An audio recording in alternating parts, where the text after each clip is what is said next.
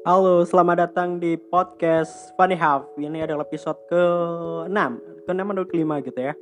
Dan kali ini aku sendiri saja karena lagi gak ada temen yang mau diajak ngobrol tentang masalah ini. uh, gimana kalian, apa kabar?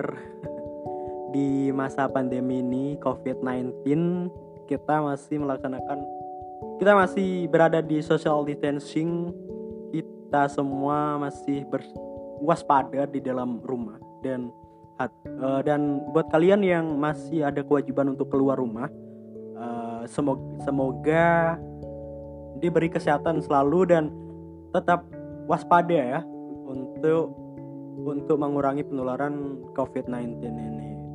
Dan uh, ini adalah udah minggu ketiga kalau salah minggu kedua apa minggu ketiga gitu ya.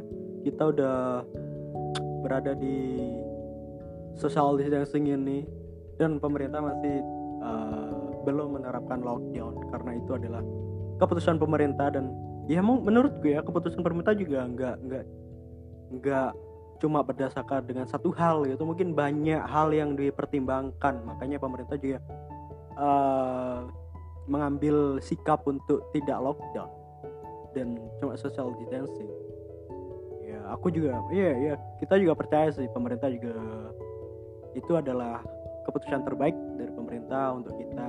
Dan kita sebagai warga negara ya menurut aja apa yang dikatain pemerintah yang diatur pemerintah uh, biar juga, ini juga buat kebaikan bersama agar covid juga cepat-cepat kelar di permasalahan negeri ini ya ya. Banyak juga hal-hal yang dirugikan karena covid ini. Perekonomian kehidupan sampai tradisi pun agama juga itu kan terganggu gitu loh gara-gara wabah ini gitu ya nah itu aja pesanku semoga kalian mak tetap waspada jaga jarak jaga kebersihan untuk mengurangi penularan COVID-19 ini. Dan kali ini aku ingin membahas sesuatu yang yang apa ya? Soalnya ini based on my story. ini adalah pengalamanku juga. Makanya aku pengen share ini lebih ke saran. Jadi ceritanya gini, cerita tadi itu aku nonton aslinya uh, aku tadi tadi tuh nonton videonya Kunto Aji.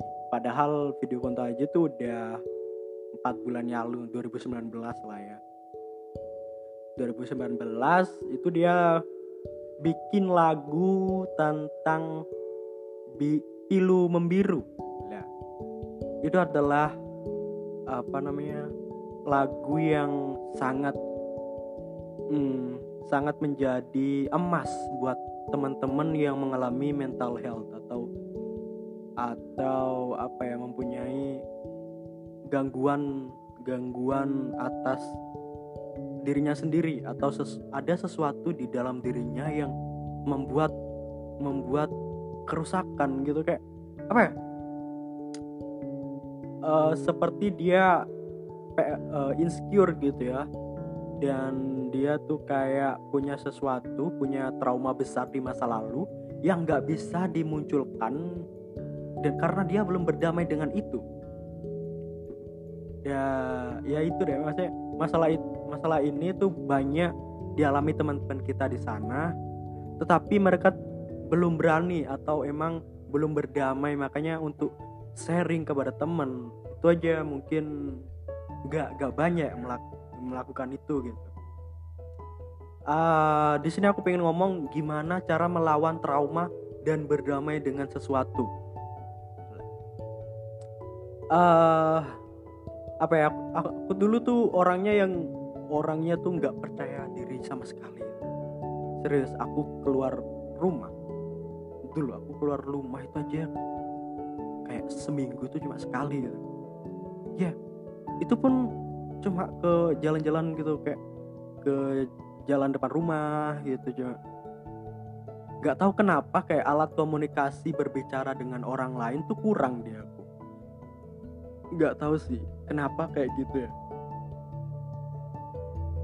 Mungkin itu juga soalnya tradisi keluarga ya karena uh, dulu tuh masih dikekang dan uh, kayak mungkin bagi orang tuaku ketika aku di rumah itu keadaan akan baik-baik saja gitu mereka mereka belum tahu gitu kalau apa namanya kesehatan mental berhubungan sama orang itu penting gitu loh. Kita sosial kepada masyarakat itu penting bagi psikis seseorang gitu loh. Karena karena kalau kita dikekang terus tanpa boleh melihat sesuatu yang di luar itu bakal membuat kristalan masalah di dalam hatinya sendiri gitu loh. Dan itu akan dan itu akan dibuka di apa?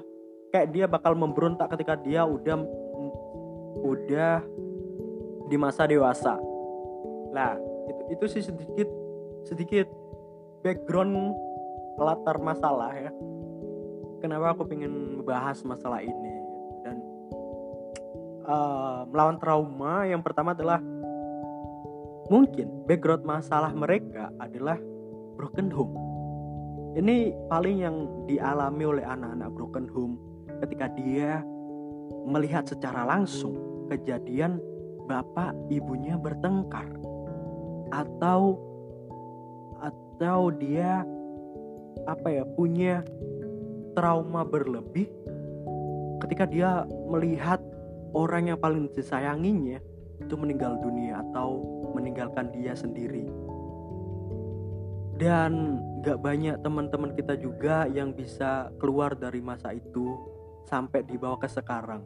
Mungkin mungkin kalau kita membicarakan ini secara orang normal gitu mungkin masa berkabung untuk anak yang ditinggalin orang tua itu mungkin ya normalnya tuh satu tahun lah. Itu normal ya maksudnya eh, orang tua itu orang yang pertama kita lihat sejak kita lahir dan sampai kita bisa kita bisa membedakan mana buruk mana yang baik di pikiran kita. Dan ketika kita semenjak itu langsung ditinggalin sama orang yang sangat sayang kepada kita itu mungkin membuat sebuah gumpalan-gumpalan masalah yang yang kita juga tahu itu sesuatu itu harus disembuhkan. Karena kadang karena banyak ada sih temanku jadi open share aja teman temanku tuh ya kalau ini cowok ini temanku tuh cowok dan dia ditinggal ibunya meninggal itu ketika dia masih di usia 15 bagiku usia di 15 itu mungkin orang-orang yang ya 15 tuh ya masih masih uh, darah muda gitu. Masih di mana senang-senangnya bermain sama temen-temen ya kan? Dan dia di, pasti ditinggal ibunya sampai sekarang dia masih mempunyai trauma tersebut. Ketika dia masih ketika dia ingat sedikit kenangan ke sama ibunya itu kayak apa ya dia masih tetap nangis gitu. Tetap kayak masih di dalam masa berkabung gitu loh nangisnya itu. Jadi jadi bagiku sih itu belum berdamai dengan keadaan sih. Soalnya sekarang dia udah usia 27 mungkin kalau us usia 27 adalah usia yang udah matang ya udah udah dewasa gitu udah udah 27 itu udah udah siap untuk menikah gitu untuk membuat keluarga baru. Tetapi anehnya ketika dia masih ingat sama ibunya gitu dia tetap tetap menangis gitu. Tapi karena dia adalah temanku ya. Jadi aku, uh, jadi aku juga aku juga tahu posisinya seperti apa. Dan yang aku omongin ke dia adalah uh, ikuti aja kata, kata hati. Ketika ketika ketika dia sedih dan ingat kepada ibunya ya udah nangis aja. Nangis saja jangan dipaksa untuk tidak nangis. Kadang itu juga bakal uh, menyakiti kita sendiri.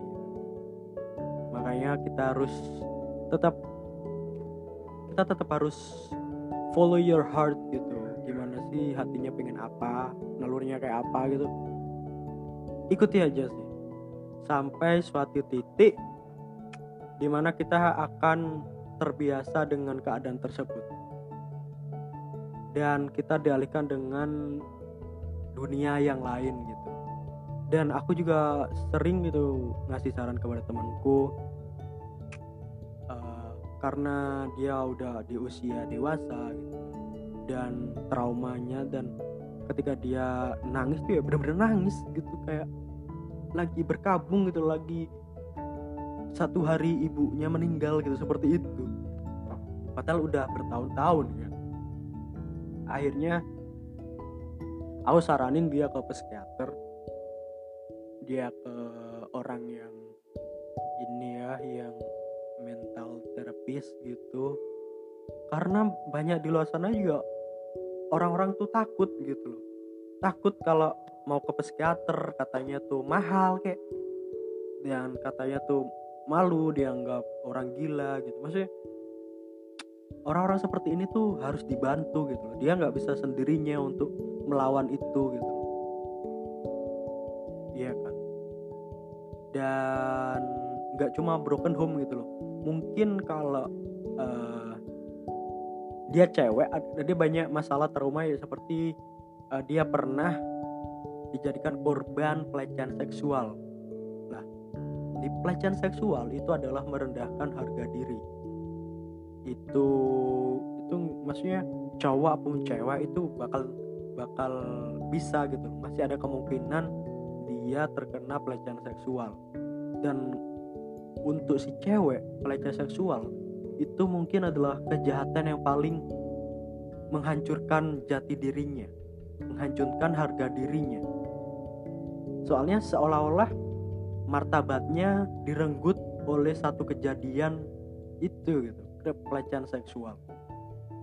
Dan kalau kita ngomongin pelecehan seksual di Indonesia itu banyak sekali gitu. Dan uh, pelakunya tuh ya kurang maksudnya hukuman untuk pelaku pelecehan seksual menurutku di Indonesia itu seharusnya harus lebih lebih apa ya lebih diperberat gitu loh lebih ada efek jerahnya biar hukuman satu hukuman satu itu udah bisa mau gak pikirannya kalau dia tuh berbuat salah pelecehan seksual sih menurut itu uh, bakal membuat trauma berlebih kepada orang baru yang dia kenal. Ketika seseorang cewek ya, seorang cewek yang pernah mengalami pelecehan seksual di masa depannya, di masa depannya nih, dia bakal trauma ketika dia mengenal orang baru secowok yang yang dia belum tahu sifat aslinya cowok tersebut. Dia bakal mengeluarkan negatif thinking, overthinking sampai dia bisa mendeskripsikan seseorang secara langsung. Padahal dia belum tahu aslinya si cowok itu ya baik gitu. Karena dia punya trauma berlebih tentang pelecehan seksual. Dia punya perspektif, punya apa ya? Punya cara sendiri untuk untuk uh, untuk mengenal cowok tersebut tapi bagiku itu salah sih soalnya ke trauma itu harus dilawan dulu. Sesuatu yang belum selesai itu harusnya diselesaikan dulu sebelum kita sebelum kita berpindah dunia lain gitu loh ya. Kayak sebelum kita masuk ke alam lain gitu. Loh apa sih bahasanya? Ya ya itu sih menurutku. Pelecehan oh cewek yang pernah menjadi korban pelecehan seksual seharusnya menjadi concern concern uh, masalah concern bagi aktivis-aktivis mungkin ya. Uh, dan apa namanya relawan-relawan yang sangat sangat semangat untuk menghilangkan atau apa ya aktivitas yang punya niat baik untuk membantu teman-teman yang mempunyai masalah trauma. Dan trauma yang selanjutnya bisa disebabkan karena uh, kepribadian. Mungkin dia orangnya introvert gitu ya. Mungkin orang-orang introvert itu kadang menyimpan sesuatu yang nggak bisa di share ke siapa pun.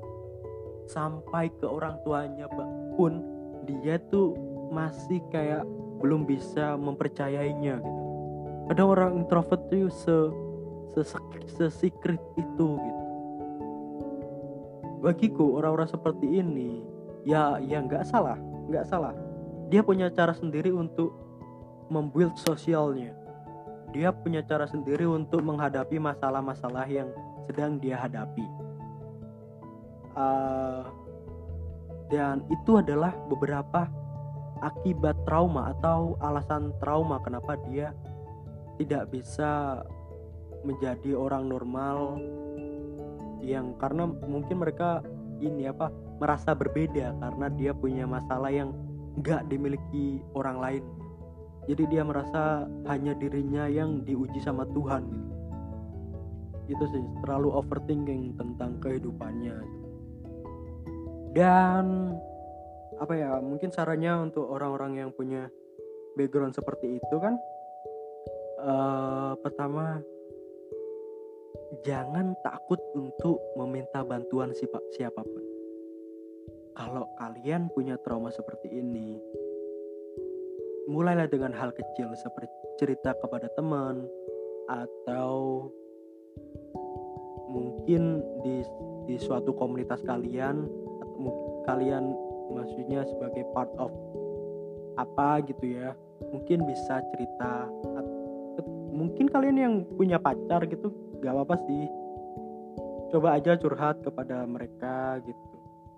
Setidaknya nggak cuma nggak cuma kamu gitu nggak cuma kamu doang yang menyimpan masalah seperti itu. Siapa tahu orang yang kamu ceritain itu memberi insight baru tentang gimana menyelesaikan masalah tersebut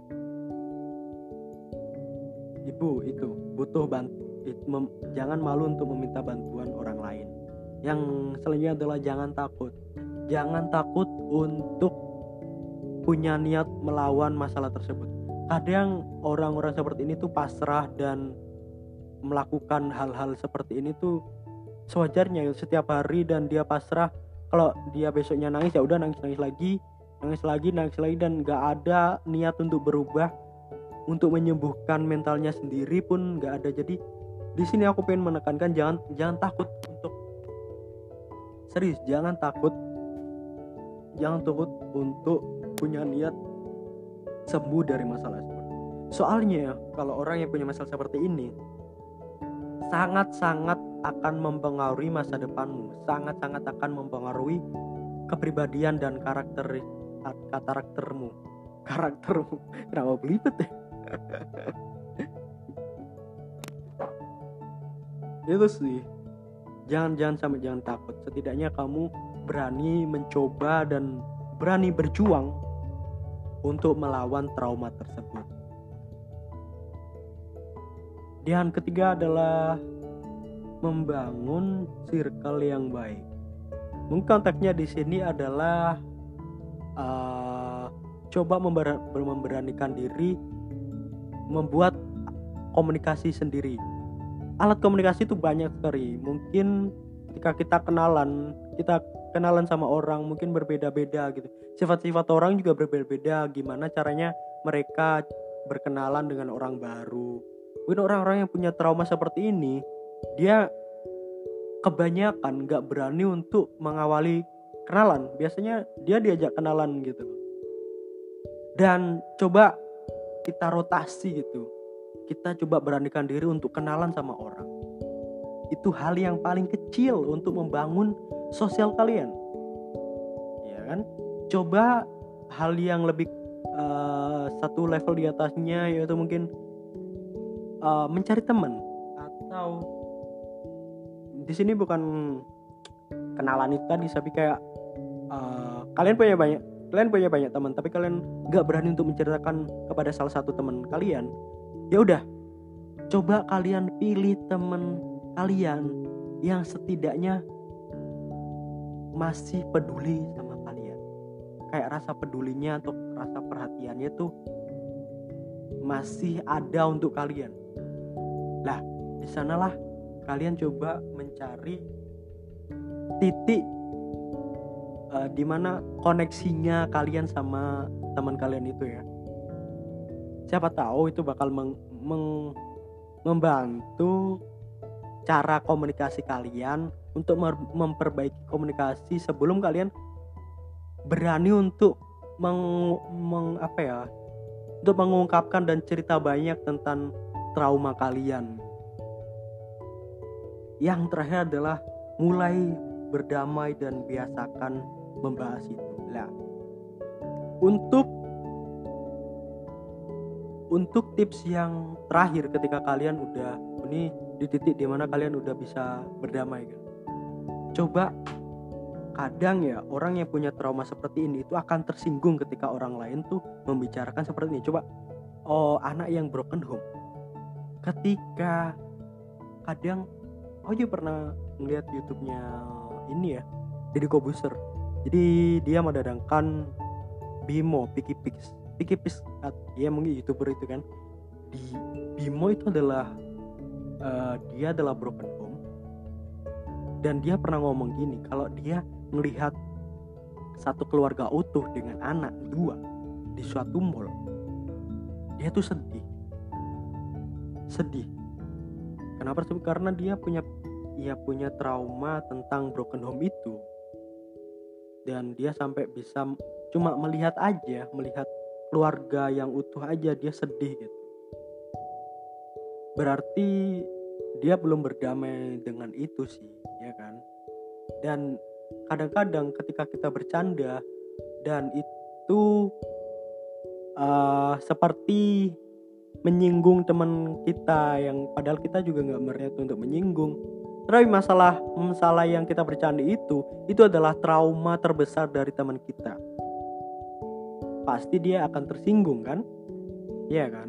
Dan untuk orang yang punya trauma seperti ini, coba biasakan dengar-dengar dengar-dengar bercandaan yang menyinggung-injung itu. Soalnya kalau itu didengar terus dan akan menjadi kebiasaan, akan menjadi kebiasaan otak kita secara natural itu akan menjadikan uh, apa ya bahasan seperti itu itu udah lunak di otak kita. Jadinya kita akan sedikit demi sedikit itu akan bisa membicarakan atau membahas masalah itu. Ya kan? Ketika kita sudah tidak tidak apa ya tidak sakit hati ketika teman kita bercandain masalah tersebut kita berani untuk memulai membahas seperti itu walaupun itu cuma di sosial media atau ke teman dekat tetapi ya itu bakal bakal membantu sekali perkembangan dari kesehatan mental kalian gitu. Dan yang terakhir adalah udah bisa berdamai dengan trauma tersebut. Itu adalah ketika kalian udah berjuang dari titik pertama tadi, mulai untuk kenalan, mulai memfilter teman yang setidaknya peduli ketika kita ngomong atau yang bisa menjadi pendengar yang baik sampai kita bisa berdamai dengan trauma kita. Itu adalah perjalanan yang pasti membutuhkan kerja keras, niat yang paling adalah niat di mana kita niat untuk benar-benar menyembuhkan batin kita karena karena yang tersisa adalah batin gitu loh ya kan? Perasaan kita yang sulit untuk diungkapkan sulit untuk sulit untuk disembuhkan. Karena kadang untuk memunculkan kesedihan itu aja sulit gitu gimana gimana bisa sembuhin gitu loh. Jadi ya itu sih mulai mulailah sedikit demi sedikit uh, emang perih sakit ya apalagi. Dan bakal ada kegagalan di sana. Pasti anda kalian kalau uh, sedikit, sedikit demi sedikit melakukan uh, penyembuhan gitu ya berusaha untuk bisa sembuh dari trauma itu pasti ada titik gagalnya dan kalian pasrah gitu ya udahlah kayak gini-gini aja gak apa tapi kalau kalian punya niat yang besar pasti kalian bakal bakit lagi ingat dengan niat yang akan mempengaruhi masa depan kalian. Aku pasti kalian pasti akan berhasil untuk melawan trauma tersebut. Karena penyakit seperti ini itu termasuk penyakit juga sih ya. Seperti ini tuh tidak terlihat mata. Orang lain tidak tahu kalau kita aslinya tuh sakit. Itu sih yang membuat orang-orang seperti itu jarang dideteksi kalau dia beneran nggak nggak mau mengakui nggak mau cerita apa yang pernah terjadi gitu. jadi itu aja sih ya udah udah 20 menit aku ngomongin masalah cara melawan trauma dan berdamai dengan sesuatu karena karena nanti malam aku bakal syuting di channel catatan kaki dan itu juga podcast. Makanya aku akhir aja podcast podcastku sendiri kali ini dan sampai jumpa di episode selanjutnya. Terima kasih yang sudah dengerin dari awal tadi sampai sekarang. Terima kasih dan sampai jumpa